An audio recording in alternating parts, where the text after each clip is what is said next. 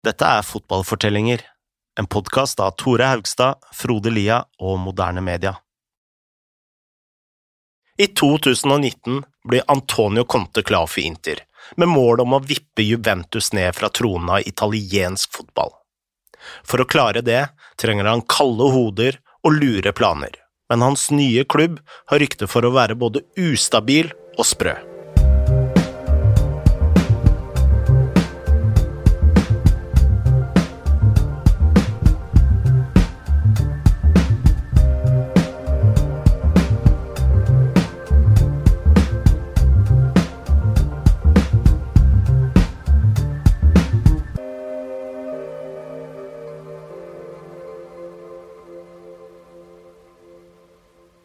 De fleste storlag i Serie A er kjent for noe spesielt.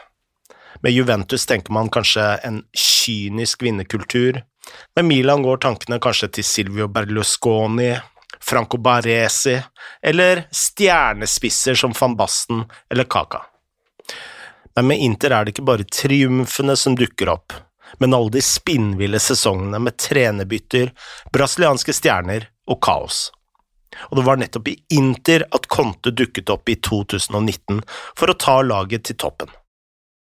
Denne tradisjonen hadde ført til kallenavnet Pazza Inter, altså Gale Inter. Så etablert var dette inntrykket at klubben sjøl hadde akseptert det.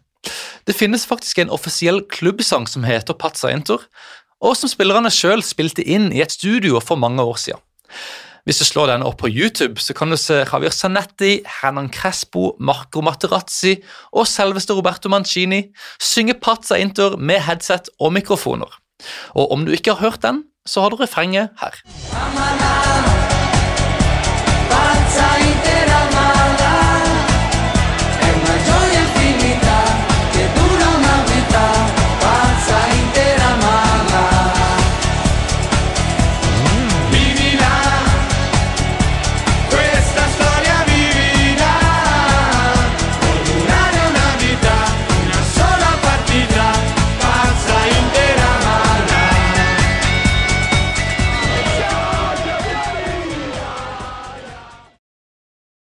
For å forklare litt mer om hva Pazza Inter egentlig betyr, har vi snakka med Christian Torbergsen. Han er med i Inter Club Norvegia, og han fortalte oss om kontrastene mellom gale Inter og fornuftig Juventus. Jeg ser det jo litt som en kontrast til altså De første årene jeg uh, fulgte Inter, så var jo Juventus var på en måte mer sånn maskinelt på et vis. Det var, uh, de var Eh, rasjonelt, fornuftig, mer sånn kynisk. Kanskje i for stor utstrekning òg. Mens Inter var mer liksom den der gærne lillebroren, på en måte. Der du visste aldri hva som, hva som kunne skje med Inter. Og Inter eh, var eh, på en måte veldig, ofte veldig bra på papiret, men fikk det ikke til sportslig. Det var, det var masse eh, trenerskifter eh, i mange sesonger, det var lite stabilitet du, du, kan aldri regne med Inter, men du kan aldri regne dem helt ut heller. Du vet aldri helt hva som skjer. Dette la ikke akkurat grunnlaget for stabil suksess. Mye av Pazza Inter hadde oppstått under Massimo Moratti, sønnen av Angelo Moratti, som hadde eid Inter under Helenio Herreras gullalder på 60-tallet. Og Massimo han var litt sånn impulsiv, og jeg mener å huske et sånn gammelt uh, CM-spill her hvor han hadde 20 på ressurser og én på tålmodighet. Men i 2016 ble Inter tatt over av Suning, et uh, selskap som ble drevet av kineseren Sang Jindong. I 2018 ansatte han sønnen Steven Sang, som ble president i Inter, selv om Steven kun var 26 år. Siden det hadde Inter blitt litt bedre, for Luciano Spalletti hadde klart å ta dem til en fjerdeplass, som var den delt høyeste plasseringen på hele ni år men det var fortsatt 21 poeng bak suverene Juventus. Men Sang hadde fått inn en annen slu rev allerede. Seks måneder tidligere hadde han ansatt Giuseppe Marotta, som hadde forlatt Juventus etter å ha kommet på kant med Andrea Agnelli. Nå som Conte var klar, hadde Sang i praksis henta inn nøkkelduoen som hadde ført Juventus til toppen. Og dette var en ny tone under eierskapet til Suning. De tok jo over i 2016, og da var jo Inter eh, økonomisk eh, helt forferdelig, og det er jo for så vidt fortsatt. Så de første par årene så, så jobba Suning veldig mye med å, med å begrense underskuddet, egentlig. Samtidig som man ville jo få til sportsresultatet, men det var en todelt eh, ambisjon. da. Og det er jo på en måte De tenker mer sånn langsiktig. Eh, få klubben til å bli selvgående og øke inntekter som ikke er avhengig av det sportslige eller uh, ikke er så avhengig av resultater. Da. Samtidig som at man ser jo selvfølgelig at uh, sportslig suksess genererer inntekter, men det er en balansegang der da, som på en måte preger diskusjonen rundt eierskapet til Inter den dag i dag også. At uh, fans vil jo ofte ha suksess på kort sikt, uansett hvilke konsekvenser det har. Man vil ha, man vil ha spillere, man vil ha sterkere stall hvert år. og og sånn, mens ja, Suning har et, en todelt ambisjon, da, slik jeg forstår det. Men og sånn sett så var Signeringen av Conte var på en måte et liksom brudd med hvordan ting hadde vært de tre foregående årene. Da. Man ville nå at nå skulle Inter kjempe om trofeer. Nå var det ikke nok å bare bli topp fire og komme til Champions League. Det var, det var, et ønske om å få til noe mer. da. Her er det jo verdt å spørre seg hva Conte, som hadde vært i Juventus så lenge, syntes om at Inter skulle være så gale. Og akkurat det, det kom frem ganske tidlig. Når vi snakker om Conte, så var jo det første intervjuet han hadde, var jo da sa han presidenten, eh, Steven Sang, han sa, ja, han sa noe sånn 'Forza Pazza Inter' eller noe sånt, altså heia gærne Inter. Og Conte gikk rett inn og korrigerte han og sa at nei, nå, nå er det slutt med det. Nå, det der vil jeg ikke ha noe av. Conte satte umiddelbart i gang med å kaste ut bråkmakerne. Den fremste mistenkte her var Mauro Icardi, som var Inters beste spiss, men som hadde blitt fratatt kapteinspinnet av Spalletti etter at kona Wanda hadde pratet om lagets problemer på TV. Snart ble Icardi lånt ut til PSG. Med Morata på lag fikk Conte også inn de spillerne han ville ha. Han slo endelig kloa i Rumelu Lukaku, som han hadde jakta før i Chelsea, og fikk også inn Nicolò Barella, Diego Godin og Alexis Sanchez på lån. Denne gjengen skulle spille i 3-5-2 med Lukaku og Martinez på topp, og i januar fikk de i tillegg inn Ashley Young og Christian Eriksen. Inter ble umiddelbart bedre. Lukaku og Martinez skåret 37 ligamål totalt, og laget tapte kun fire ligakamper. Dessverre for Conte kom to av disse mot Juventus, som tok sin niende strake ligatittel, denne gangen under Maurizio Sarri. Sesongen var likevel positiv totalt sett, for Inter kom kun ett poeng bak den gamle dame. Men Conte krevde mer støtte fra eierne, og kom ofte med kommentarer til pressen som antyda at han kunne si opp på flekken. Det var jo Mellom linjene så, så var det mye av det. Jeg husker ikke nøyaktig når det var, men det var en periode han nesten sa det etter hver eneste kamp. Og det var eh, det var klart det var en veldig turbulent tid eh, på eiersiden, og Inter eh, Det var rykter om at Suning ville selge. Hvis jeg ikke husker helt feil, så jo hadde jo da covid skjedd med, med, med, stengte stadioner i Italia, som gikk enormt utover Inters inntekter. Og Han snakka bl.a. om dette her med at det var viktig at eh, spillerne klarte å lukke ørene og bare jobbe på. Og Jeg vet jo ikke nøyaktig hva han, hva han viste til, men det var tydelig at det var mye støy rundt klubben, da, som også han opplevde som uh, noe som skapte uro for han. Da. Jeg syns jo personlig at han kunne ha spart mye av disse kommentarene offentlig, i hvert fall, for det skapte veldig mye uro, veldig mye spekulasjon rundt Inter. Spillerne klarte å holde unna, for det, det gikk jo veldig bra. Men, men, det skapte mye uro da, og usikkerhet rundt klubben, og personlig så syns jeg ikke det var, eh, var det lureste, da. Uansett tok Conte en sesong til med Inter, og det betydde at han fikk støtte på overgangsmarkedet, eller Mercato som det heter i Italia. Den største signeringa var Akraf Hakimi, som Real Madrid av en eller annen grunn var villig til å selge. I tillegg henta Conte inn gamle krigere som 30-årige Matteo Darmian, 33-årige Arturo Vidal og 34-årige Aleksandr Kolarov. Dette var på ingen måte langsiktig planlegging, men Conte hadde dårlig tid og kunne ikke tolerere en ny sesong uten en ligatittel. Da sesongen kom i gang, var det klart at Inter hadde nådd et høyere taktisk nivå enn der de hadde vært under Spalletti. Altså det som kjennetegnet Inter godt, eller i hvert fall når de var gode under Conte, var det at man kunne, ta og, man kunne stå ut store perioder med press uten at man slapp til veldig mye sjanser. Det var en veldig solid si, blokk defensivt. da. Og så brukte man uh, Lukaku og Hakimi for uh, raske angrep. da. Veldig mange mål kom jo på den måten.